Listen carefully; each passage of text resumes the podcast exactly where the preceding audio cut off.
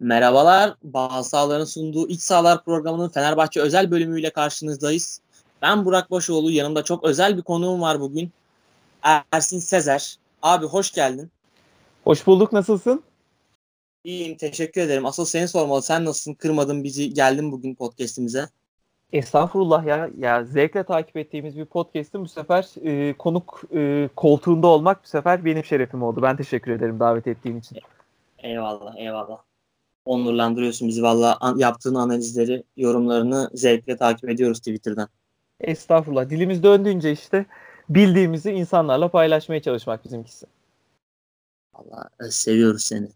Abi bugün genel bir Fenerbahçe konuşacağız. Sen de zaten podcast'in adı da Fenerbahçe Özel.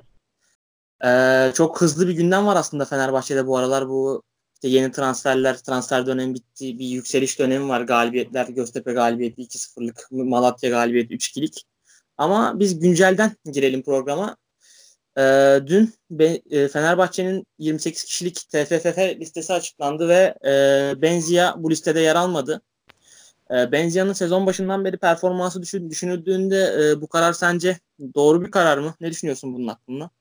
Ee, önce zaten kulislere Şener'in alınmadığı dedikodusu e, atıldı. Şener'in alınmadığı için Fenerbahçe taraftarı acaba Galatasaray veya Beşiktaş'la mı anlaştı? Önce Şener'i linç etti. Sonra Şener'in alındığı ortaya çıktı. Benzia'nın alınmadığı ortaya çıktı. Ya Benzia konusunda hocanın son iki maçtır da oynattığı bir oyuncu olması sebebiyle aslında çok eleştiriler ortaya çıktı. Çünkü genele baktığımızda Benzia'nın alınmaması doğru karar. Ama son iki maçta Ersun Hoca kullanıyordu Benzia'yı. Nasıl kullanıyordu? Ortada pas dağıtımında kullanıyordu. Köprü görevinde kullanıyordu. Ama Ersun Hoca şimdi Ocak'ta oraya Tolga'yı takviye, takviye olarak aldı ve Tolga'yı artık kullanacak diye düşünüyorum. Ama yine de Benzia'dan bu kadar kolay mı vazgeçilmeliydi? Benim özelimde özellikle Alper Potuk varken orada Benzia'dan mı vazgeçilmeliydi? Bu tamamen Alper'in Alper'le imzalanan yeni sözleşme içindir. Alper'in hala sözleşmesi olduğu için 6 aylık kiralık sözleşmesi kal- kalan Benzia'dan vazgeçmek bence çok daha kolay geldi Ersun Hoca'ya. Evet abi haklısın ama şöyle de bir durum var Benzia konusunda. Hani Benzia'nın şu an alacağı dakikaları Elif Elmas'tan alacak büyük ihtimalle. Elif Elmas da Fenerbahçe'nin hani bir gelecek gördüğü bir oyuncu. Sezon başından beri 11 oynatılan bir oyuncu. Ee, sence bunun da etkisi var mıdır ee, şey konusunda? Kadro dışı bırakılması konusunda. E, mutlaka vardır. Şener'i bırakmak istememesini bir nebze anlıyorum. Yani Dirar'ı sağ ön olarak kullanmak istiyor. Yani sağ bek olarak sanki düşünmüyor gibi. İsa'nın tek yedeği de Şener kalıyor. Şener de kağıt üzerine baktığımızda milli sağ bek diye geçiyor. Yani ileride gelecekte bir yabancı sınırlaması geldiğinde Şener yerli bakımdan en iyi şu an sağ bek durumunda. Ya en iyi demesek bile yine Gökhan Gönül ismini e, ver, verecekler olacaktır. Top en iyi ilk üçten ikiden biri diyelim. Bu senaryoda Aynen. Şener'den vazgeçmek hatadır diye düşündü bence Ersun Hoca. Ama sözleşmesi yenilenecek mi onu orada göreceğiz. Ortada bir şişkinlik vardı merkez rotasyonda Fenerbahçe'de. Şimdi Zayt da geldi oraya. E, Tolgay da geldi. Elif zaten oynamak isteyecektir. Jailson var, Mehmet Topal var, Ekici var. Bir de 10 numarada yer yer kullanabileceğim Valbuena var. Fer, daha Ferdi'yi bahsetmedim bile. Aynen Bu senaryoda. Benzia'dan sanki vazgeçmek Ersun Hoca'ya daha kolay gelmiş gibi. Aynen abi şey gördün mü ya bu spor medyasında falan Serdar İçerikler falan yazdı işte Ferdi ile Berke kadroya alınmadı. Bu oyuncuları niye aldınız madem işte kadroya almayacaktınız falan diye haberler çıktı. Abi talihsizlik başka hiçbir şey değil yani talihsiz açıklama. Aynen. Yani bunlar komik açıklamalar ya. Talihsiz olmuş ya Serdar Ali Çelikler adına. Muhtemelen Aynen onun da yani yakınında birine soruyor. Asistanına veya e, orada spor servisinde çalışan birine. Yani sormadan söylememiştir. Birden çok kişinin zincirleme hatasıdır diye düşünüyorum bu. Aynen öyle. Az çok FM oynamış bir insan bu hatayı yapmazdı aslında. Ya şeyde bile e, Moses'ı bildirebileceğiz mi diye soranlara ben direkt FM oynadınız mı diye soruyordum zaten. Yani onlar bilirler. E, böyle bir kontenjana sahip olduğunu Moses da bu kontenjandan girdi zaten. Şu an Avrupa'da oynayabilecek.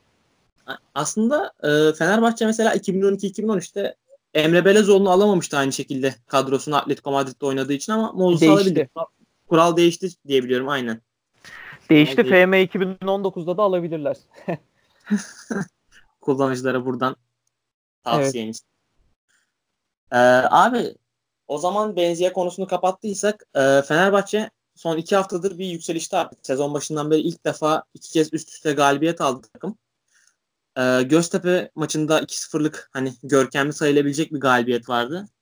Abi sana şöyle geleceğim bu konuda. Ee, Erzurum ve Bursa maçlarında Fenerbahçe'nin yaşadığı mental ve fiziksel kırılmayı bu maçlarda yaşamadı. Ee, sence bu maçlarda hani diğer iki maçtan farklı olarak ne değişti? Neyi farklı gördün? Ne diyorsun? Ee, aslında en büyük fark, büyük resim Fenerbahçe 60 dakikadan sonra koşmayı öğrendi. Yani bunu 70'e evet. 75'e çıkardığı için e, maçları tutabildi. Yoksa Erzurum spor maçında, Bursa spor maçında Ersun Yanal alıyordu. Elindeki maçlardan puan kaybetti. Yani kağıt üzerinde kupadaki yenilgileri, kupadan elenmeye bakmayalım. Ersun Yanal 5 lig maçına çıkmış. Daha yenilmemiş Fenerbahçe'de. Yani Koku ve Kuman sonrası Fenerbahçe için 5 lig maçına çıkacaksın. Yenilmeyeceksin demek mucizevi bir şeydi. Yani bunu Ersun Hoca'yı ö- övmek için dediğim gibi anlaşılmasın. Ama bu kadroyu başkaları oynatamazken Ersun Hoca gelip hemen 5 maçtır ligde yenilgi sağlamıyorsa demek ki bir şeyler değişmeye başlamış. Fenerbahçe bu maçlarla 500 pas üzerine çıkmaya başladı maç başı. Ortada pas istasyonu haline getirdi bazı oyuncuları ki son iki maçta Benzia da bunların içindeydi. Ve Ersun Hoca'nın en büyük katkısı bir sağ e, alternatif yarattı. Oranın forması Isla ve Dirar'ındır dedik ki Dirar'ın dönüşünde mutlaka dikkat çekilmesi gerekiyor. Dirar kadro dışı kaldığı sürece sürede örnek bir profesyonel gibi çalışmış. Yani gençlere örnek olacak seviyede çalışmış. Ne kadar para aldığı tartışılabilir, transferi tartışılabilir ama Dirar'ın e, profesyonelliğinin tartışılmayacağını gördük biz burada. Ki Isla Dirar hattı da Fener sağ kanadını çok güçlü bir silaha çevirdi. Ki son oynanan maçta da Fenerbahçe ataklarının %50'si sağ kanattan geldiyse zaten fazla söze de gerek yok gibi. Aynen öyle abi. Abi e, hani İsla ile Diren haricinde ekicinin de oraya yanaşması yanaşmasıyla aslında orada bir üçgen kuruluyor ve futbolda da zaten hani asıl kritik nokta bu üçgenleri kurabilmek. Fenerbahçe'nin bence ekici Dirar İsla üçgeni e, Fenerbahçe hücumları için çok e, kritik bir rol oynadı son iki maçta. Ekicinin performansını nasıl buluyorsun? O da artık e, düzenli olarak ilk 11 oynamaya başladı. Uzun süre sonra Fenerbahçe'de geldiğinden beri 11'e yerleşememişti. Gerek sakatlık, gerek işte başka sebepler kadroda yer bulamadı kendine vesaire. Onu nasıl buluyorsun son maçlarda? Yani ekici sakatlanmadığı sürece, kafası sağda olduğu sürece çok iyi oyuncu. Zaten son maçlarda da 90 dakika göremiyorsunuz ekiciyi. 60-70 gibi ekici kendini bırakıyor. E, ikici evet, ne zaman evet. 90 dakikaya tam çıkabilir düzeye gelir Fenerbahçe'de ikici o zaman gerçekten fark yaratmaya başlar. Çünkü Ersun Yanal'la beraber mutlu olduğunu görüyorsun. Oynamak istiyor, frikik atmak istiyor, şut vurmak istiyor. E, ikici gerçekten Fenerbahçe'ye katkı vermek istiyor şu an. Oyuncu da bunu alabilmek çok önemli. Mesela Slimani'nin en büyük sorunu ne şu an Fenerbahçe adına? Oyuncu kafada Fenerbahçe'yi bitirmiş durumda. Slimani Fenerbahçe'yi düşünerek hareket etmiyor ki şu an. Aynen öyle abi. Yani Fener, ben şu an Silimani'nin hani Fenerbahçe'ye karşı bir aidiyet hissettiğini, Fenerbahçe'nin küme düşmesinin, şampiyon olmasının Silimani için bir değeri olduğunu düşünmüyorum açıkçası. Ya adam zaten şurada 3 ay daha futbolunu oynayacak Türkiye'de ve bir daha dönmemek üzere muhtemelen Türkiye'ye gidecek. İngiltere'de bonservisi var. En kötü döner Sporting Lisbon yapar. Portekiz'de efsane olduğu yerde. E, elinde bu şartları var. Yani şunu gördük. Ölü bir Silimani'ye bile gidip Real Betis talip olabiliyor. Ve Abi Silimani ya hala piyasası var diyor. Hala piyasam var benim diyor. O zaman Fenerbahçe'de kasmama gerek yok diye düşünüyor bence. Ersun Yanal Dirar'dan sonra zaten Silimani'den de verim alabilirse bambaşka bir seviye olur o. Abi yani Dirar'la Silimani'nin biraz farklı olduğunu düşünüyorum. Yani Silimani'nin biraz çok farklı. Kira, biraz kiralık olmasının da etkisi var. Biraz da e, futbolcu karakterleri de çok farklı bence. Yani e, mesela Slimani ilk haftalarda şey diye savunuluyordu ya. Çok geriye koşuyor. İşte çok o yüzden yoruluyor. Forvet gol atacak gücü kalmıyor. Forvet attı Bunlar çok tatlı bahaneler. Forvet Tabii. dediğin geldiğinde bitirir. Ceza sahasında topla buluşuyor mu? Buluşuyor. Ligde en çok gol kaçıran forvet kim? İslam Slimani. O zaman bu tartışmayı zaten yapmamıza gerek bile yok bizim. Abi şu istatistik olayı zaten bitiriyor ya yani. 26 şutu üst üste kaleye bulmadı Slimani'nin sezon ortasında bir dönem. Ya forvetsin sen ya. En basitinden ya. Açıklaması yok. Ya gerçekten e, mesela Kagawa'nın o 3 dakikada 2 gollük performansı neden ülkede gündem değiştirdi? Abi Fenerbahçe Benzia'yı aldı. Benzi ilk isabetli şutunu geçen hafta attı. Belhanda bir önceki hafta attı. Geçen hafta Galatasaray'ın oynadığı maçta attı. Kagawa 3 dakikada 2 gol atınca Beşiktaşlar dediler ki öyle bir adam aldık ki adam atıyor. Ama senin var ya şey diye işte Silimani'nin gol sayısını 3 dakikada geçti Kagawa diye. Ya abi, Aynen öyle. Çünkü Kagawa iyi oyuncu kötü oyuncu diye değil. 3 dakikada bitmiş Antalya'ya karşı da olsa Beşiktaş taraftarını mutlu etti mi? Etti. Gelecek adına bir ümit verdi mi? Verdi. Yani haftaya Beşiktaş maçına gidecek adam Kagawa'yı izlemeye gidecek mi? Gidecek. Fenerbahçe taraftar acaba kaç maçtır Silimani izlemeye gitmiyor? İlk 3-5 hafta gittiler baktılar bir katkı alamıyor. Artık Silimani topun ucuna gelmeye başlamıştı. Aslında her şey burada gizli. Fenerbahçe'nin zaten son birkaç senedir hani en önemli özelliği hani futbolcu cehennemi olmaya başladı Fenerbahçe. Değer bir futbolcu 10 milyon euro değerle 10 milyon euro piyasa değeriyle Fenerbahçe'ye geliyorsa 2,5 milyon euro piyasa değeriyle falan ayrılmaya başladı artık buradan. Ciddi bir böyle Fenerbahçe bir yıpratma şeyine mekanizmasına dönüştü. Ya ama bunda bir önceki yönetimin payı büyük aslında. Mesela bugün Mahmut Uslu'ya ait olduğu söylenen açıklama var. Josef de Souza'yı ucuza sattılar diyor.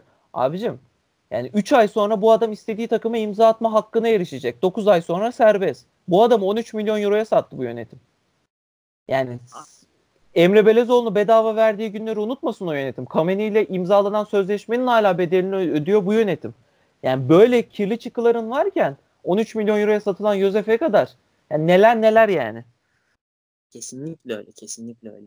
Ya abi biraz daha e, sahanın e, içine dönelim. E, Göztepe maçında ve Yeni Malatya maçında Fenerbahçe'nin yeni transferi Sadık e, forma giydi. İşte Yeni Malatya maçında 90 dakika, Göztepe maçında da sakatlanana kadar oynadı. Hatta sakatlandıktan sonra da bir süre sonra bir süre devam etti.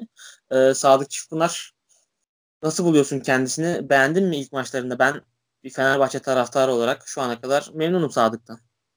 Sadık bir kere sahaya ruhunu koyan bir oyuncu. Sadık çok mu yetenekli? Tartışılır. Ama gelişmeye açık mı? Gelişmeye açık. Yüreğiyle oynuyor mu? Yüreğiyle oynuyor. Fenerbahçe taraftarı Fenerbahçelilik duygusuyla oynayan oyuncuya çok aç kaldılar. Şu kadroda ilk yarıda özellikle böyle bir oyuncu olmayınca sıkışık anlarda taşın altına elini koyan, tekmeye kafa sokan oyuncusu olmayınca Fenerbahçe taraftarı da kayboldu. Ama Sadık'ta şu an bunu buluyorlar. Yani Sadık büyük hatalar yapmadığı sürece Fenerbahçe taraftarı her daim Sadık'ın arkasında olacaktır bence. Ya bir de Sadık'ın şöyle bir özelliği var. Zaman zaman alanını boşaltıp çok risk aldığı pozisyonlar oluyor. Ama o alanını boşalttığında o topu kapıyor. Kapamazsa da faali yapıyor abi. Yani Sadık bu konuda böyle çok eleştirilecek bir performansa sergilemedi şu ana kadar. Hani alanını çok boşalttığı ile ilgili yorumlar okuyorum. Ama alanını boşalttığında da o top kapma işini bence ortalamanın üstünde yapıyor. Abi temaslı stoper çünkü. Ya Fenerbahçe'de orada yıllardır Roman Nöşteder oynadığı için oraya gelebilecek herhangi bir takviye parlayacaktı zaten. Yani standart bir stoper bile alsak parlayacaktı. Çünkü Roman Nöşteder'in stoper özelliklerini içeren e, kalitelisi çok az. Hava topu çıkamaz. Yerden top kesemez. Temaslı stoper oynayamaz. Bu adamı yıllardır stoper oynattık. Bu adamdan zaten kötü olacak 2-3 stoper vardı. Biri Neto, biri Reyes. Onları da Fenerbahçe getirdi. Roman Nöşteder'i kesebilmek için. öyle aynen. Abi Reyes'in 69 kilo olması benim çok dikkatimi çekmişti yani. Ya Reyes geldiği ilk günlerde de e, Reyes'in transferine şaşırdığımızı söyledik. Çünkü ya çok basit bir çıkarım var. Reyes geldiğinde işte Porto'dan stoper transfer edildi diye geliyor. Hayır. Porto ile sözleşmesi biten transferin bitimine son iki gün kala hala serbest statüde olan bir oyuncuyu getirdik biz. Ya Porto ondan 1 milyon euro kar etme ihtimali olsa sözleşme yenilemez miydi hiç? Kesinlikle öyle ya. Leganes'te bile gittiği ilk maçta Kenneth Omero'yu kesemedi yani yedek oturdu yine. Ya Kenneth Omero da işte bizim e, kendi arka bahçemizden bildiğimiz bir oyuncu oysa. Aynen çok yani öyle çok da iyi, iyi bir stoper değil yani bence. E, Leganes'in stoperi Reyes, oranın bile yedek stoperi işte. Aynen öyle abi yani nasıl bir adam olduğunu buradan da anlıyoruz zaten. Abi bir de yani şu yapılan son transferlerde ve Sadık'ta şöyle bir şey seziyorum. Bak Fenerbahçe taraftar Fenerbahçe'nin en büyük problemlerinden biri futbol takımında ateşli oyuncu eksikliği vardı. Böyle bir ruh eksikliği vardı. Hani Fenerbahçe şimdi yaptığı transferlerle bir Serdar Aziz işte Bursa Spor'da kaptanlık yapmış. Galatasaray'da işte çok önemli roller üstlenmiş. Serdar Aziz Yeni Malatya Spor'da kaptanlık yapmış. Fenerbahçe işte Fener, ruhuyla oynuyor. Tolga Arslan yine böyle hani isyan eden tipte bir oyuncu. E abi yani karakter anlamında da bu takıma böyle önemli bir takviye yapıldığını düşünüyorum. Bir işin mental kısmı da var bence. Ne diyorsun? Yani e, şimdi mesela şey de çok konuşuluyor. Fenerbahçe'de gelecekte yerli oyuncu rotasyonu nasıl olmalı? Çünkü Ali, Koç Başkan da kendisi de diyor. Yerli e, sayısı yabancı sınırının düşürülmesi gündemde diyor. Tolgay ve Serdar Aziz'e bu kadar özen göstermesinin birinci sebeplerinden biri de buydu aslında Fenerbahçe yönetiminin.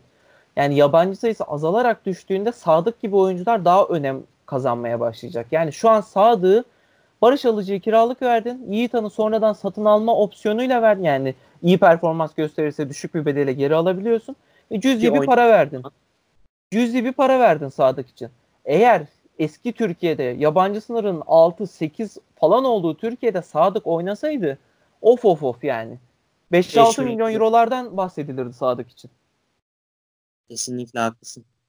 Aynen öyle yani. Yani şu an Beşiktaş'ın Galatasaray'ın kadrosuna baktığımızda da hani Beşiktaş'ta Dorukan harici hani Beşiktaş'ta gerçi yine Caner'i Gökhan'ı var da hani Galatasaray'da özellikle hani yerli böyle güvenebileceğim bir tane bile oyuncu yok yani. Onlar Tabii. onlar daha büyük sıkıntı. Ya seneye yabancı sınırı gelsin. Halil Akpınar, Emre Kılınç falan Messi olur bizim ligde.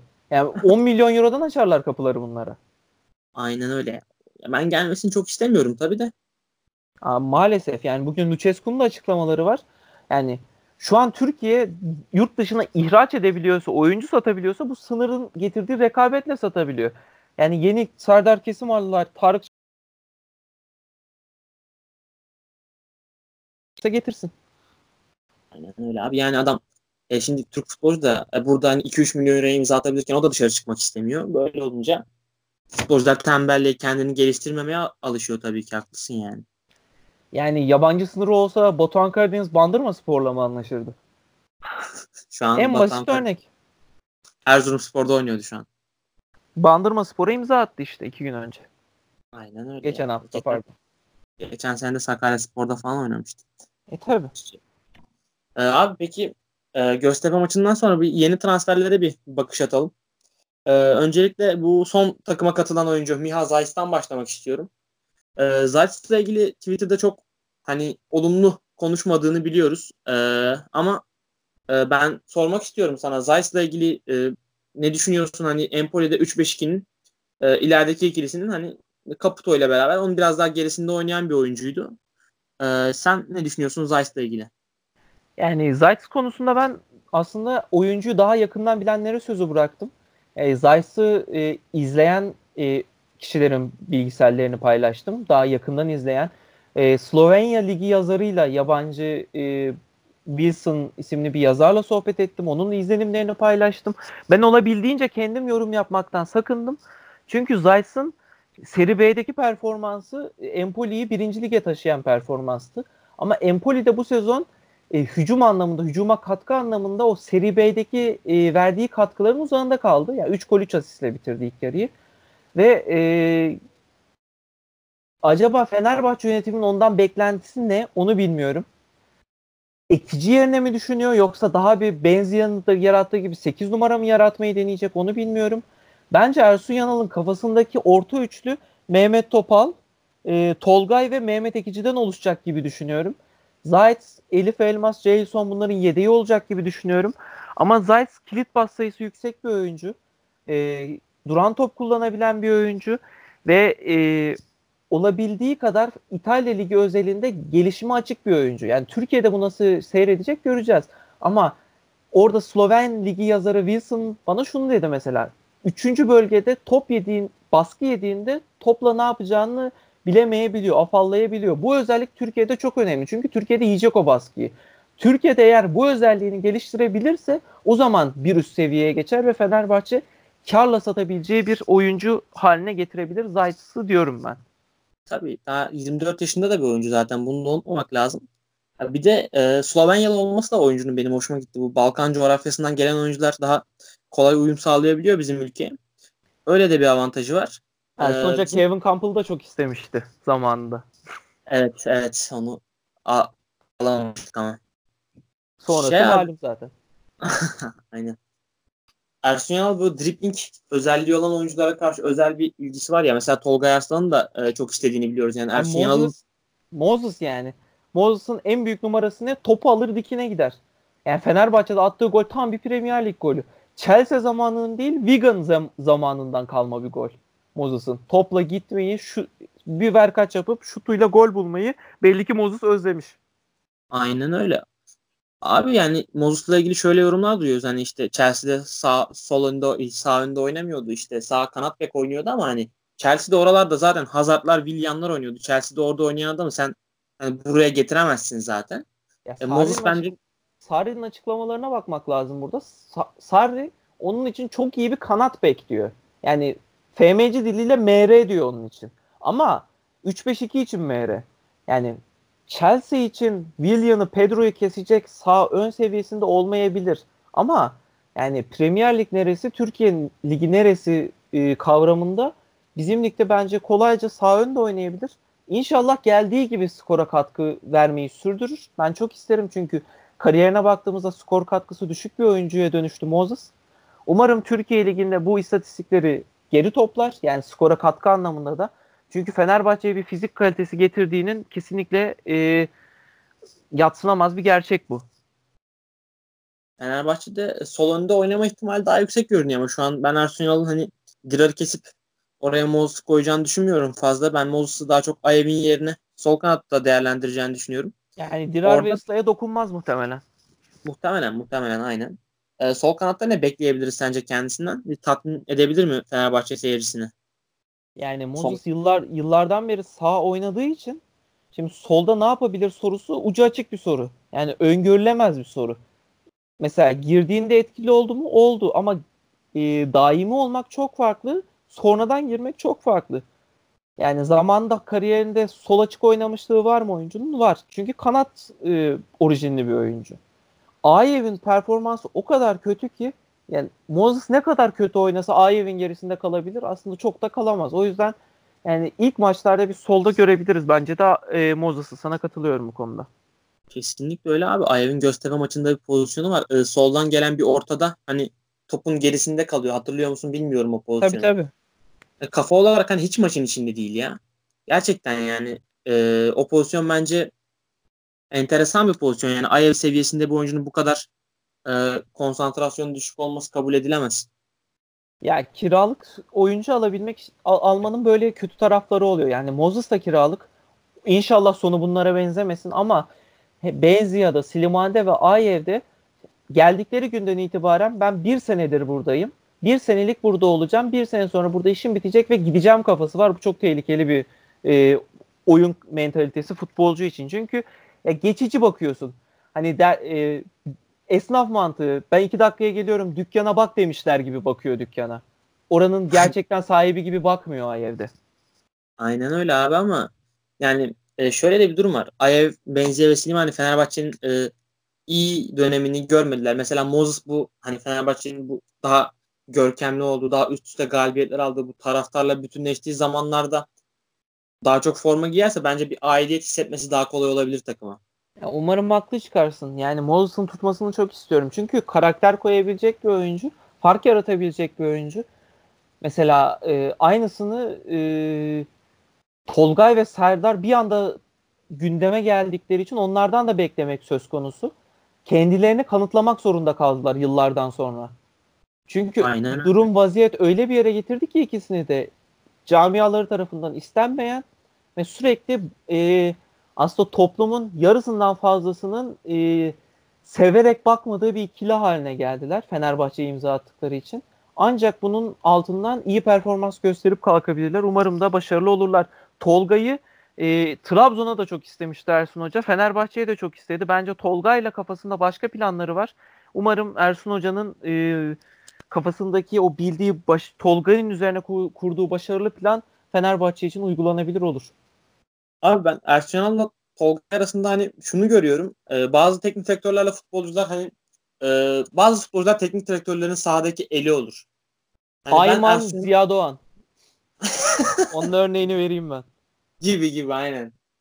Ee, Ersun Yanal'la Tolga arasında da mesela böyle bir ilişki olabilir diye düşünüyorum Fenerbahçe'den. Hani teknik direktörün sahadaki beyni gibi. Yani uğruna Benziya'dan da vazgeçti. Ee, yani bu tol, net bir şekilde ben Tolga ile devam edeceğim mesajı. Bu senaryoda Elif'i Elif'i hala nasıl kullanabilir onu bilmiyorum. Elif'in bugün bir Instagram paylaşımı da vardı ona ait olduğu söylenen. Ee, yani Elif'i de kaybetmemek önemli ama Elif'in futbolunu ne kadar geliştirebilir görmemiz lazım. Yani hani Tolga'nın belki yavaş yavaş düşmeye çalıştığı, düşmeye başladığı hani 60'tan 70'ten sonra Elif'in enerjisi e, takıma bir hareketlilik getirebilir mi sence? Ee, yani bir kere Fenerbahçe'nin kulübesi zenginleşti artık. Dakika 75'te oyuna sokacak adam bulamazken şu an oyuna Moses'ı alabiliyorsun. Atıyorum Elif Elmas'ı alabiliyorsun. Frey ile işte artık Frey, Frey'i alabileceksin. Yani her yerde eli bollaştı Ersun Hoca'nın. Ve bunu da mutlaka değerlendirecektir. Aynen öyle. Ya Elif Elmas için aslında e, böyle hani çok kötü sezonlar en çok genç oyuncuları etkiler. Elif Elmas için de bu sene e, çok ciddi bir şans gibi görünüyordu ama sezon başında ama çok sonradan ciddi bir şanssızlığa dönüştü. Abi yani, yani Barış Alıcı'nın anda... konusunda da böyle aslında. Yani Aynen öyle. Yeni Malatya'ya gitti. iki kupa maçında da attı. Bugün yine golünü attı. Bu. Bir anda cehennemin ortasında buldular kendilerini. Ki hiç bunlar çok ciddi takımlarda oynamamış oyuncular. Yani Fenerbahçe psikolojisi tamam çok farklıdır da Aziz Yıldırım sonrası Fenerbahçesi yeniden sistem inşa edilmeye çalışılan bir Fenerbahçe'ye gelmek ve o baskıyı kaldırmak gerçekten zor. Umarım e, Barış da Yeni Malatya'dan çok başarılı döner. Fenerbahçe'nin oyuncusu olur ve umarım Elif de e, kendinden beklenenini sahaya koyup e, yeniden ilk 11'ine geri döner diyorum ben. Kesinlikle öyle. Abi e, Fırat'ın bir sorusu var. Ben onu ok- okumak istiyorum. Yani Zeiss'la ilgili. Tabii. Ve e, e, şey e, Fenerbahçe'nin dizilişiyle alakalı Fırat Aylık da bu arada bizim bazı sahalardan e, selamlar gönderiyorum selamlar kendisine. kendisine. Abi Zayt'sı orta saha göbek ikilisinde kullanmak kendisinin bir or, Zayt'sı orta saha göbek ikilisinde kullanmak kendisinin verimini kısıtlayabilir. Ee, Ersun Yanal 4-3 dizilişinden vazgeçip 4-2-3-1 dizilişini deneyebilir mi? Veya optimum olabilecek şekilde 4-3-2-1 işte Jason Topol, Elif, Zayt ekici e, ne dersiniz böyle bir diziliş deneyebilir mi demiş. Kendisi de futbola çok kafa yoran bir insandır. Düşünür yani bunları. Ya e, çok Be Beşiktaş'a yakın bir arkadaşım var. İlke Cancanoğlu. Ona selam söyleyeyim ben buradan. Onunla biz e, Tolgay Fenerbahçe'ye imza attı. Bana şey dedi. Ya Tolgay'dan e, 6 numara olarak da faydalanabilir Ersun Yanal dedi. Dedim nasıl faydalanacak? Ersun Yanal'ın kafasında nasıl var bu? Bak görürsün dedi. Onun da aslında tezi e, Fırat'a çok benziyor. Ersun Yanal acaba Tolgay'dan e, ön libero mevkisine yakın 6 numara mı yaratmaya çalışacak diye düşünen arkadaşlar da var. E, Fırat gibi, İlke gibi. Ama ben hala e, Mehmet Topal'ı tuttuğundan ki e, Cayı sonla onun bir forma rekabetine gireceğinden onların yanında Tolgay ve Elif'in bir forma rekabetine gireceğinden önlerinde de Ekici veya Zayt'sın oynayacağını düşünenlerdenim. Ya kafamda öyle çiziyorum senaryoyu. Özellikle yabancı sınırda gelince seneye ortada 3 Türk kalıyorlar. Topal'la devam edilir mi bilmiyorum. Belki daha e, yaşça daha genç, kaliteli bir ön libero alınır. Topal, Tolga ekici yaptığınızda orada hiç yabancı harcamadan çıkabiliyorsunuz. Kesinlikle. Ya e, Fenerbahçe taraftarları sanki e, Tolgay'dan biraz bir Emre Belözoğlu performansı bekliyor. Çünkü Abi, şöyle yani Olmaz yani. Emre, Emre Belözoğlu bir kere gelir dünyaya. 100 yılda bir gelir. O da Fener'e geldi çok şükür. Kaptanlık yaptı yani. Yok yok şöyle hani e, tabii ki Emre Belözoğlu gibi hani oyuncu Türk futboluna zaten gelmedi bir daha da. E, hani Fenerbahçe'nin Emre Belözoğlu ve Merles'ten sonra bir daha iki yönlü bir orta sahası olmadı. Ozan Doğru. Tufan denendi ama verim alınamadı. Sonra da yerine oyuncu alınmadı ki bu da bir hani iki Aziz Yıldırım yönetimine de yazar. Ali Koç yönetimine de yazar bence. Ee, ama Tolgay ilk defa bu bu mevkide iki yönlü oynayabilecek bir oyuncu ve beklentiler kendisinden çok yüksek. Sen e, Tolgay'ın bu mevkiler şeyden beklentinin altından kalkabileceğini düşünüyor musun ki kendisi de işte uzun zamandır forma giymiyor. Ee, ne düşünüyorsun? Gösteri maçında da fena sinyaller vermedi. O girdikten sonra pas bağlantılarını fena yapmadı ama tabii ki değerlendirmek için doğru bir maçtı. Bir Göztepe 10 kişiydi. Ee, yani ne düşünüyorsun? Güvendiğim iki yer var. Bir, e, Tolgay tekrar kendini kanıtlamak zorunda daha önce anlattığım sebeplerden. Yani Tolgay şu an yatarak oynamayacaktır. Hırsla oynayacaktır. İki, Ersun Yanal'da kredisi çok yüksek Tolgay'ın. Yani gerçekten çok istedi Tolgay'ı. Ve e, ben hiçbir antrenör bunu istemez. İşte ben hata yaptım dememek için Tolgay'dan olabildiği kadar faydalanmaya da çalışacaktır diye düşünüyorum. E, Tolgay'ın köprü görevi görmesi Fenerbahçe'nin üçüncü alana top getirememe görevini Tolga'ya yüklenmesi onu farklı bir oyuncuya evriltebilir. Tolgay da başarılı olursa taraftar e, taraftarın çok sevdiği bir oyuncu haline gelebilir. Çünkü iyi oynadığı dönemde Beşiktaş'ı hatırlayın. Beşiktaş taraftar Tolga'yı çok övüyordu o dönem. Ama sonrasındaki ayrılık süreci işte Şenol Güneş'le diyaloglar ve hatta Beşiktaş muhabirlerinin çirkin e, tweetlerine kadar giden mevzuda Tolgay maalesef tekrar kendini kanıtlamak zorunda şu an. Ya Tolgay hani Beşiktaş konusu hani şöyle bir e, şey gördüm Babel'in işte Tolga'ya şey söylediği e, Tolga'nın şey açıklaması var ya işte e, Beşik ilk defa bir takımın armasını öpüyorum işte Beşiktaş'la ilgili böyle e, bazı olumsuz söylemler oldu. İşte Babel de şey diyor Tolga'ya işte bunların İngilizcesi varsa söyle ben de onu atayım diyor. Çünkü hani belli ki Beşiktaş yönetiminde bu oyunculara karşı bir sıkıntılı bir tavır sergilenmiş ki böyle oyunculardan bir böyle güçlü bir geri dönüş var yani. Yani Beşiktaş'tan ayrılanların böyle söz birliği yapması ne kadar doğru bilmiyorum. Beşiktaş yönetimine yazar. Ya Tolgay'ın da ıı, tamam Tolga'ya nefreti oluşturdular da Tolgay sürekli oralara ateş döktüğü için yani benzinliğe elinde çakmakla yaklaşıyor Tolgay şu an. Bir e, tepki alması doğal. İnşallah Tolgay e, sahada cevap verir bunlara. Çünkü Fenerbahçe taraftarı için sahada vereceği cevap çok daha önemli şu an. En önemlisi o. Ya bir de abi Tolgay e, gösteri maçında sen de fark etmişsindir zaten hani girdikten sonra aslında çok ekstra bir şey yapmadı. Kendi oyunda oynadı sadece. Yani basit kısa paslar yaptı ama hani Fenerbahçe taraftarının o kadar özlediği bir şey ki bu pas bağlantısını sağlayan bir oyuncunun olması. Fenerbahçe taraftarına çok özel geldi bu durum. Hani farklı bir şey yapmadı adam. Ekstra bir şey de yapmadı. Sadece her zaman yaptığı işi yaptı ama Fenerbahçe'de bu işi yapan oyuncu uzun süredir yok. Ya ışık vermesi yetiyor işte taraftar orada. Yani ben de Fenerbahçe maçlarını e, maalesef e, somut bir nötr bir şekilde izleyemeyen taraftayım. E, sürekli taraftar gözüyle izliyorum.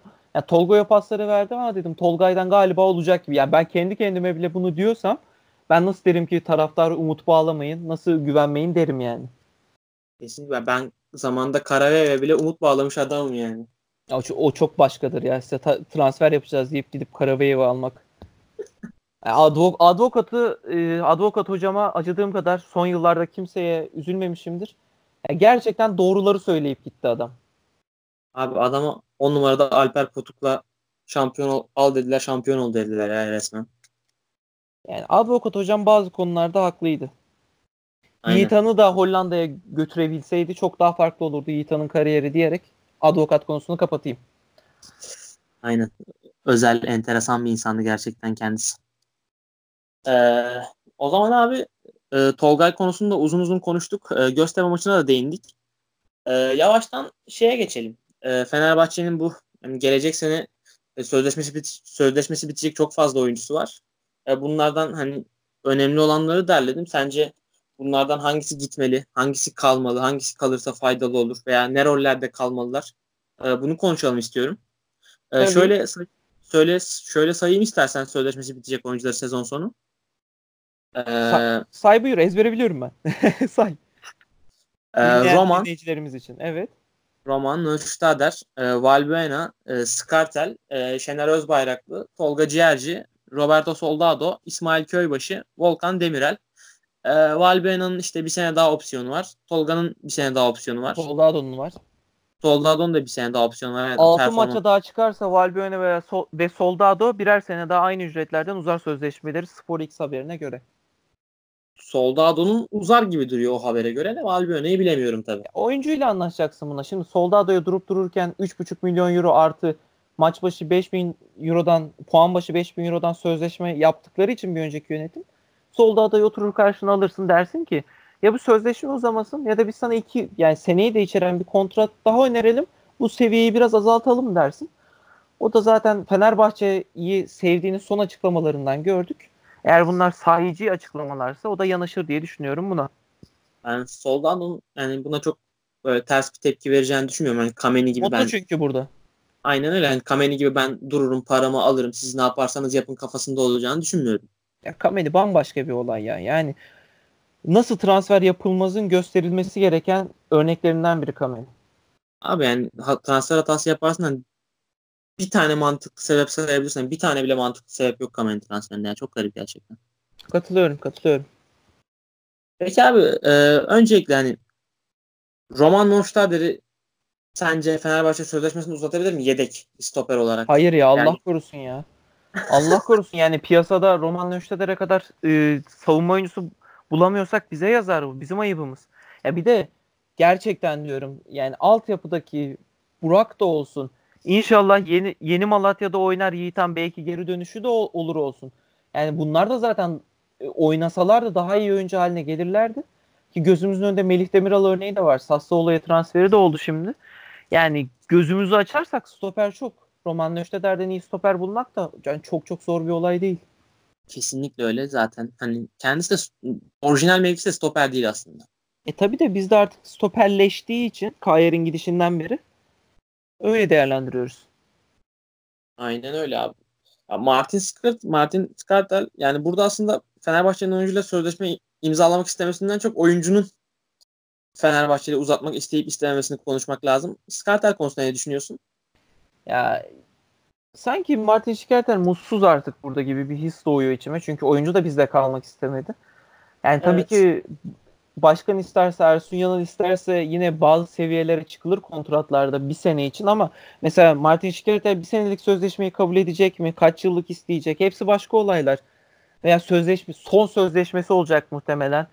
Ee, bir Arap Ligi'ne gideyim, Çin'e gideyim, bir son bir voley çakayım mı der. Yani tamamen oyuncuda biten detaylar ama ben Martin Şikerter'in bir sene daha kalmasını isterdim.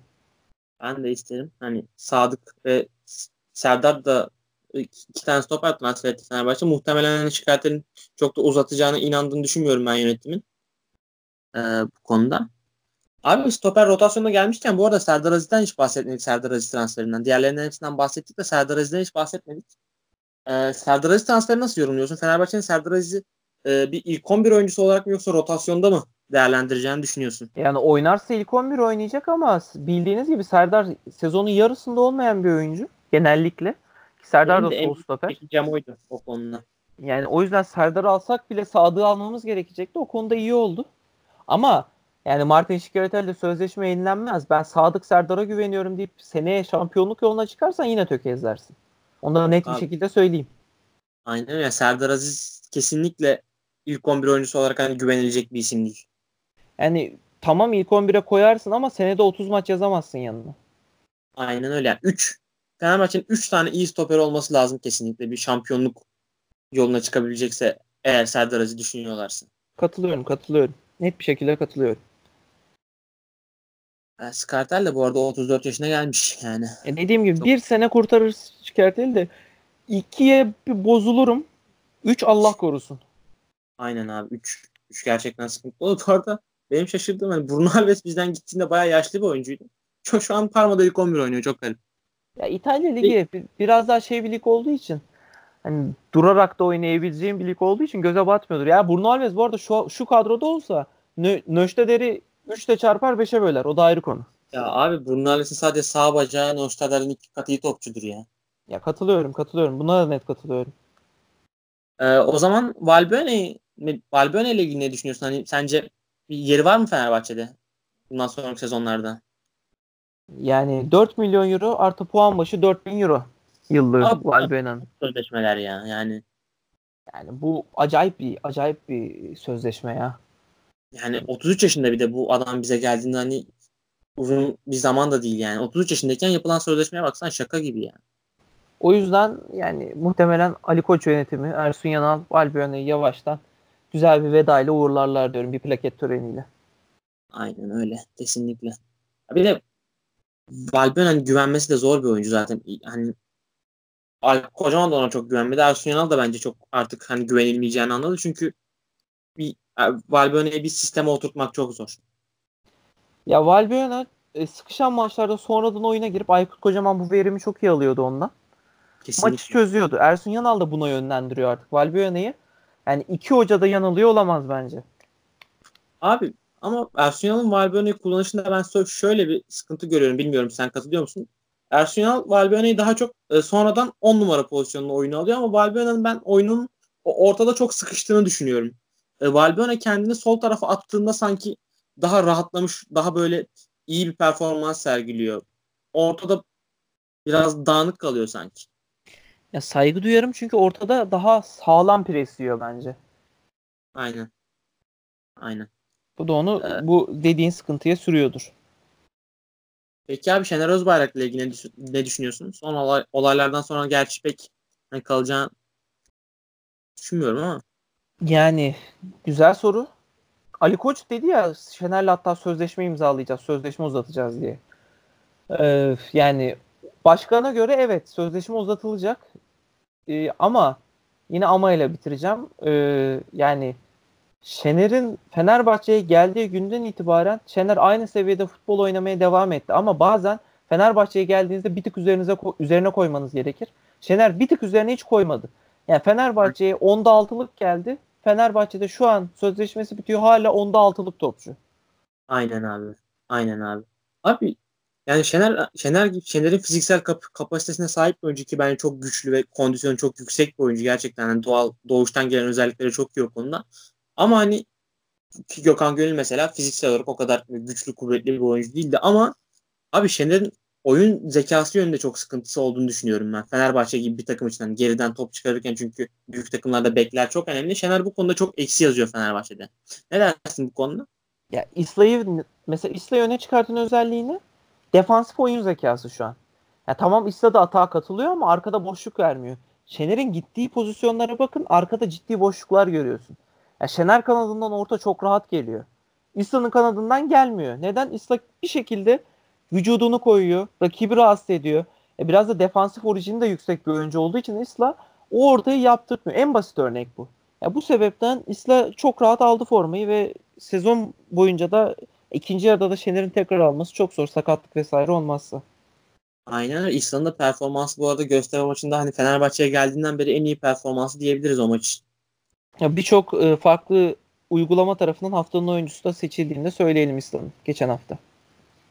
İnanılmaz diye ben izlerken yoruldum gerçekten İslam'ı. Yani Dirar'ın da tabii ki defansif özellikleri ona defansa verdiği katkı çok büyük.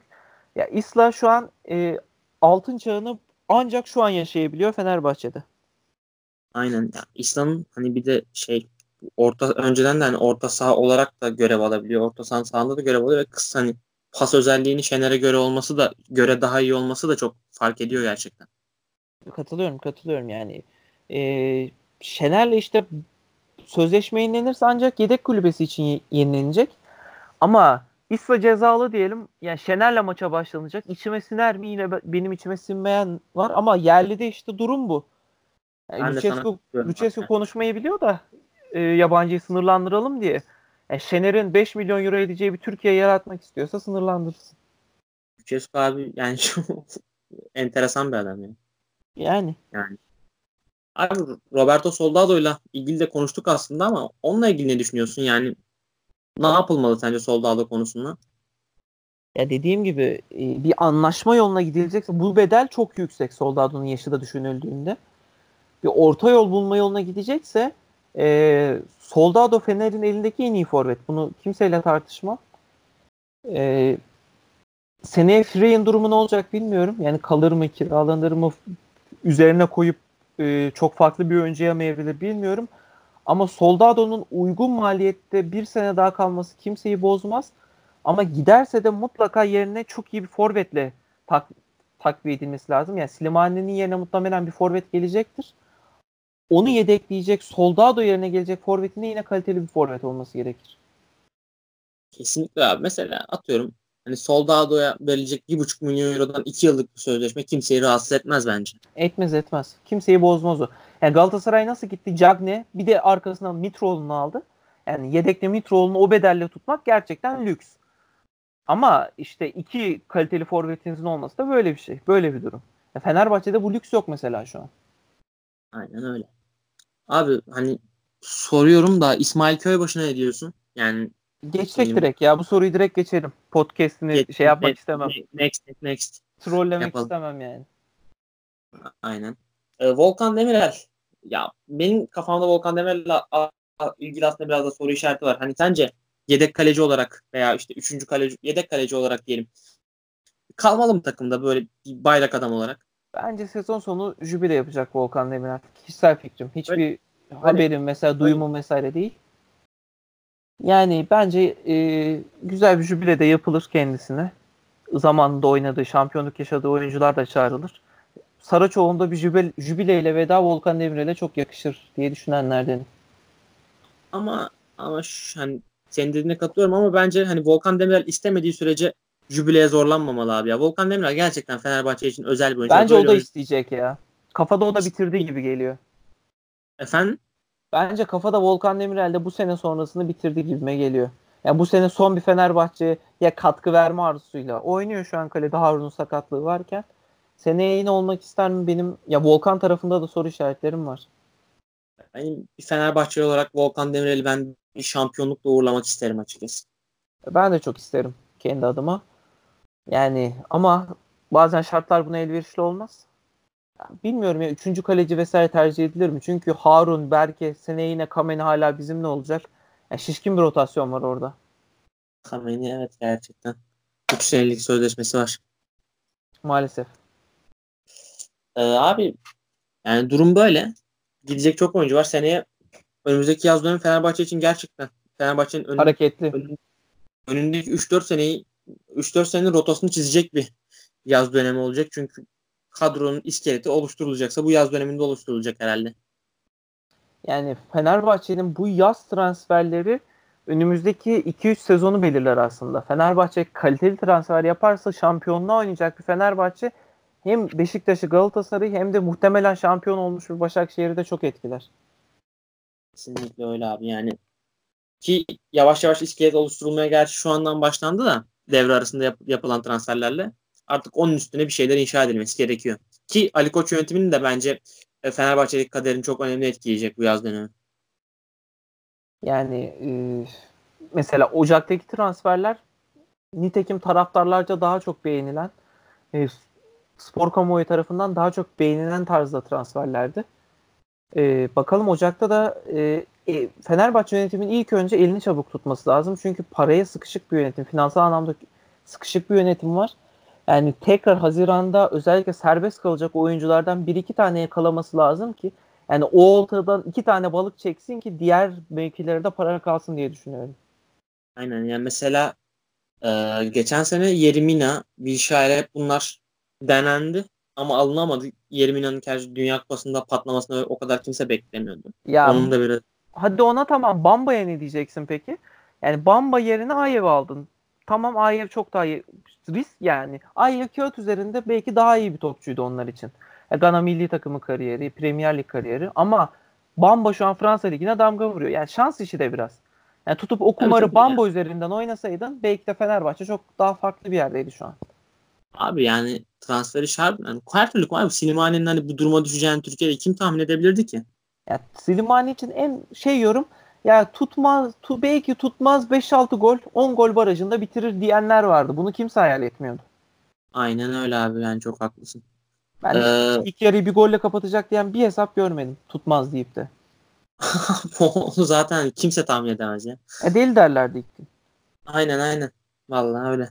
Şey peki e, hani gelecek yapılacak transferlerde yazın öncelik olarak hangi bölgeyi veriyorsun? Yani mesela hangi bölge transfer sence böyle kırmızı kalemle altını çiziyorsun hangi bölgeyi? Ee, Şikertel giderse stoper kesin. Ee, çift ünlemli hem de. Ee, sol beke kesinlik bak ikinci bir kesinlik Hasan Ali'ye net bir önüne oyuncu mümkünse Hasan Ali'nin forma rekabetine girebileceği. Kesinlikle. Ee, sağ isla kalır. Mehmet Topal, Jailson ön libero ik- ikilisinden birini ön libero takviye geli- takviyesi gelirse şaşırmam.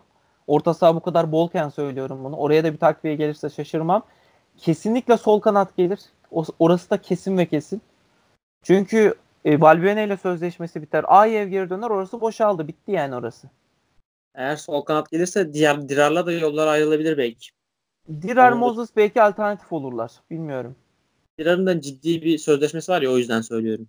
Dirar hem sağ beki alternatif hem sağ öne alternatif olarak da düşünülebilir orada. Aa, Bilmiyorum evet. tabii de yani iyi bir forma rekabeti olur ve e, Slimani gidecek. Solda da öyle sözleşme bitecek. Forvet tabii ki. Ama net forvet böyle e, yani Tabii, hayatında bir sezon 30 gol atmış, diğer sezonlar 7-8 gol atmış değil. En az 2-3 e, sezon 20'leri görmüş bir forvet çok daha başarılı olur Fenerbahçe'de.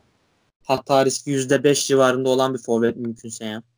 Yani bu kim? Mamadou Niang'da hata riski var mıydı? Çok azdı. Aldın tuttu. Hoydong'da hata riski çok azdı. Aldın tuttun. E, BMW'nin çoktu. Tutmadı. Bunun gibi. Mesela Daniel Guiza'dan bir sezonluk performansa göre yine Slimani gibi. Onu aldım. O da tutmadı. Abi yani onlar kurşun. Şans transferi. E, tutabilirdi. Mesela Kasımpaşa Cagney'i alırken risk değil miydi? Riskin çok büyüğüydü. Tuttu. Şimdi yeni forvetleri de fena değil. Yani ilk haftadan salladı. Ha, işte haftaya sallar mı ona göre o da. Yani çünkü forvet dedi mi bazı mevkiler sadece istatistiğe bakar. Yani Fenerbahçe taraftarına çok güzel top indiriyormuş, çok güzel duvar oluyormuş da kandıramazsınız. Yani sen, senede 10 gol atarsa yine beğenmez Fener taraftarı. Çünkü yani Hoydonk'u gören, Niyank'ı gören taraftar bunlar. Aynen öyle abi. Yani ya, forvet istediği kadar hani iyi oynasın. Zaten yani gol atamadıktan sonra kendisi de bir yerden sonra düşmeye başlar kesinlikle. Ya, katılıyorum. Yani günün sonunda forvetin e, kaç gol attığına bakılır Türkiye'de. Aynen. Abi mesela Cenk'e örnek verelim. Everton'da iyi oynadı oynadığı maçlarda gol atamadı, gol atamadı, gol atamadı. Kendi performansı da düşmeye başladı. De çekildi yani. Ki iyi oynuyordu yani gol atamaması dışında. Yani. Ama bu da kaçınılmaz sonuç. E senden asıl beklenen çünkü Fenerbahçe kadrosunda zaten gol atabilecek çok adam yok. Aynen öyle abi. Abi peki son olarak e, Fenerbahçe önümüzdeki hafta Salı günü e, Zenit'le oynayacak Avrupa Ligi'nde. E, Fenerbahçe'nin bu turdaki şansını ve bu turu geçerse e, Avrupa Ligi'nde nereye kadar gidebileceğini düşünüyorsun ve yani bu turla ilgili Zenit'le ilgili ne düşünüyorsun? Fener, Zenit Fenerbahçe'ye ters bir takım mı sence? Ya, ters bir takım. Bir kere Rus takımları zaten Fenerbahçe e, Vitor Pereira döneminde Lokomotiv Moskova eliydi. Onun dışında Rus ligi takımları zaten Türk Türkiye ligi takımlarına karşı üstünlük sağlayan Ukrayna Rus ligi takımları üstünlük sağlayan takımlar. Ya Zenit de şu an Rusya ligi lideri ve Zenit'in acayip bir iç saha performansı var. Yani bir kere kadrosunun değeri 152 milyon euro. Buraya geç yaş ortalaması 28. Yani şu an ön liberosunda oynayan adamı 50 milyon euroya Paris Saint Germain aldı. Böyle bir takım karşındaki. Yani ön liberosunda oynayan adam 50 milyon euro etti. Ve bu takımın öyle bir iç saha performansı var ki iç sahaya bırak yani iş Rusya'ya gittiğinde oradan çıkamayacağın açık gibi. E, Zenit stadını e, dinleyiciler bilirler mi bilmem. E, Krestovski stadyumu olması lazım adını. St. Petersburg stadyumu 69.500 kişilik stadyum. Yani tam bir cehennem. Orada e, tüm taraftar doldurduğunda maç kazanmak gerçekten zor oluyor eğer Fenerbahçe bu turu çözecekse İstanbul'da çözecek ama Avrupa Ligi'ne Fenerbahçe'nin şu an az kadrosundan birçok isim yazdırılmadı. Orada yine evet. Soldado olmayacak, yine Dirar olmayacak, yine Mehmet Ekici olmayacak ve ya eksik kadroyla gidecek Fenerbahçe oraya. Mesela Benzi orada o, o kadronun içinde ama oynar mı o da soru işaret. Orada mesela Forvet'in Slimani olacak. Yani, Aynen. yani şartlar Benzi'yi sahaya çıkarsan Aynen ne verecek? Yani ne verecek Benzia sana? Bu da önemli. Ve rakibe bakıyorsun yani Yuri Zirkov'u tut, Marquisio'yu tut. Yani rakipte tecrübeli oyuncular da var. Ee, genç Arjantinliler de var. Yani seni yıpratmaya yönelik bir takım sahaya çıkacak ve Zenit gerçekten zorlu bir eşleşme olacak. Ee, Fenerbahçe zaten bildirdiği kadroyla UEFA'da çok ileri hedeflemesinin zor olduğunu düşünüyorum. Burada e, pembe gözlükle bakmak, e, pem, bulutların üzerinde bakmak yanlış olur. O yüzden Zenit eşleşmesi zorlu bir eşleşme. İnşallah geçeriz. Tüm kalbimle tabii ki geçmeyi dileyeceğim. Ama e, özellikle İstanbul e, kısmında mutlaka iki farklı skor gerekiyor. Yoksa Rusya'da zaten muhtemelen yenileceğiz. Aynen abi kesinlikle çok zor maç. Belki ufak bir Fenerbahçe için artı olarak Rusya Ligi'nin şu anda tatil olmasını gösterebiliriz. Ya yani takım da onlar da il armut toplamıyor ki hazırlık maçı yapıyorlar. O yüzden Abi, tam tersi dinlenmiş gel dinlenmiş geliyorlar. Ben de biraz şeytanın avukatlığını yapayım o zaman dinlenmiş geliyor adamlar. Zenit'e karşı pek şans vermiyorsun. Ben de açıkçası çok şans vermiyorum. Bir de Fenerbahçe'nin hani böyle Avrupa'daki ikili maçlarda da çok şey şansı da çok yaver gitmez. Ya Fenerbahçe büyük takımlara karşı iyi oynar. Yani Manchester United yenmiş takım daha e, gruplarda Manchester United varken Orada mükemmel performanslar sergilemiş takım Fenerbahçe. Ama Rus takımı, Ukrayna takımı hem ters gelir bize hem de adamların birlikte oynama alışkanlığı var. Gerçekten iyi bir oyun planları var. Ya yani burada hocalarına da alt, e, şeyi çekeceğim. Sergi Sema. E, gerçekten takımı nasıl oynatacağını biliyor ve çeşitlilik katabiliyor. E, Erokin'i e, oyuna sokuyor, Mako oyuna sokuyor. Ya e, yani forvet hattı çok iyi. Stoper Arjantin'in Mammana olabildiği kadar sorumluluk alıyor. Yani mesela şimdi de Shakhtar'dan Rakitski'yi aldılar stoperi. O da e, bildirilen kadroda olacak. Yani var oğlu var takımda. O yüzden Fenerbahçe'de şu an lige dair problemler olduğu için Fenerbahçe'nin çözmesi gereken öncelikli problemleri farklı olduğu için Zenit eşleşmesi, eşleşmesi zor bir eşleşme olacak. Kesinlikle öyle. Yani bir de hani Fenerbahçe ligde şu durumdayken de Avrupa'yı nedenli önemseyecek o da önemli bir soru işareti tabii. Yani Kafalar ne derece olacak? Yani artık ligden muhtemelen e, düzlüğe girmiş olacağız ama tabii ki dediğin gibi yani Zenit zorlu bir eşleşme olacak ya. Abi bu arada hani ligde de yeni hedefler eklenebilir. Çünkü Fenerbahçe eğer şu an haftadan itibaren 3 maç üst üste kazansa bir anda hani Avrupa potası acaba mı olacak? Yani ama Fenerbahçe hala Ersun Yanal'ın kafasındaki oyunu tam sergilemiyor. İki iç saha maçı kazandı Fenerbahçe. Daha deplasmanda görmedik biz bu oyunu. Kayseri ya. Spor mesela Hikmet Karaman ilk defa kariyerinde ilk 5 maça yenilgisiz başladı. Süper Lig takımları arasında. Aynen. Yani Kayseri iyi bir Kayseri Spor gelecek. Haklısın haklısın. Kesinlikle öyle.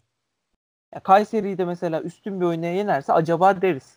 Ama daha e, konuşmak için ve umut dağıtmak için hala erken olduğunu düşünüyorum. Kesinlikle öyle. Kayseri Spor hani zor atan, zor yiyen bir takım. Bu takımlar gol, hani bu takımlar gidip deplasmanda da maçın başına yiyeceğin bir gol direkt maçın hikayesini değiştirebilir. Tabii tabii. Yani katılıyorum. Abi o zaman ufaktan bitirelim podcast'i. Ee, hani çok keyifli bir program oldu benim için. Gerçekten çok keyif aldım. Seni ağırlamak Teşekkür ederim. Güzeldi, güzeldi gerçekten. Yani ee, mutlu mutlu ol, olduysan dinleyicileri mutlu edebilsek ne mutlu bana. Yani e, umarım kafalarındaki soru işaretlerini biraz olsun alabilmişizdir. Güzel, zevkli bir sohbet oldu. Ben de çok konuştum. Başlarını ağrıttıysam şimdiden özür dileyim kendilerinden. Umarım keyifle dinlemişlerdir. O zaman herkese iyi akşamlar diyoruz. Kendinize iyi bakın. İyi akşamlar dileyim ben de.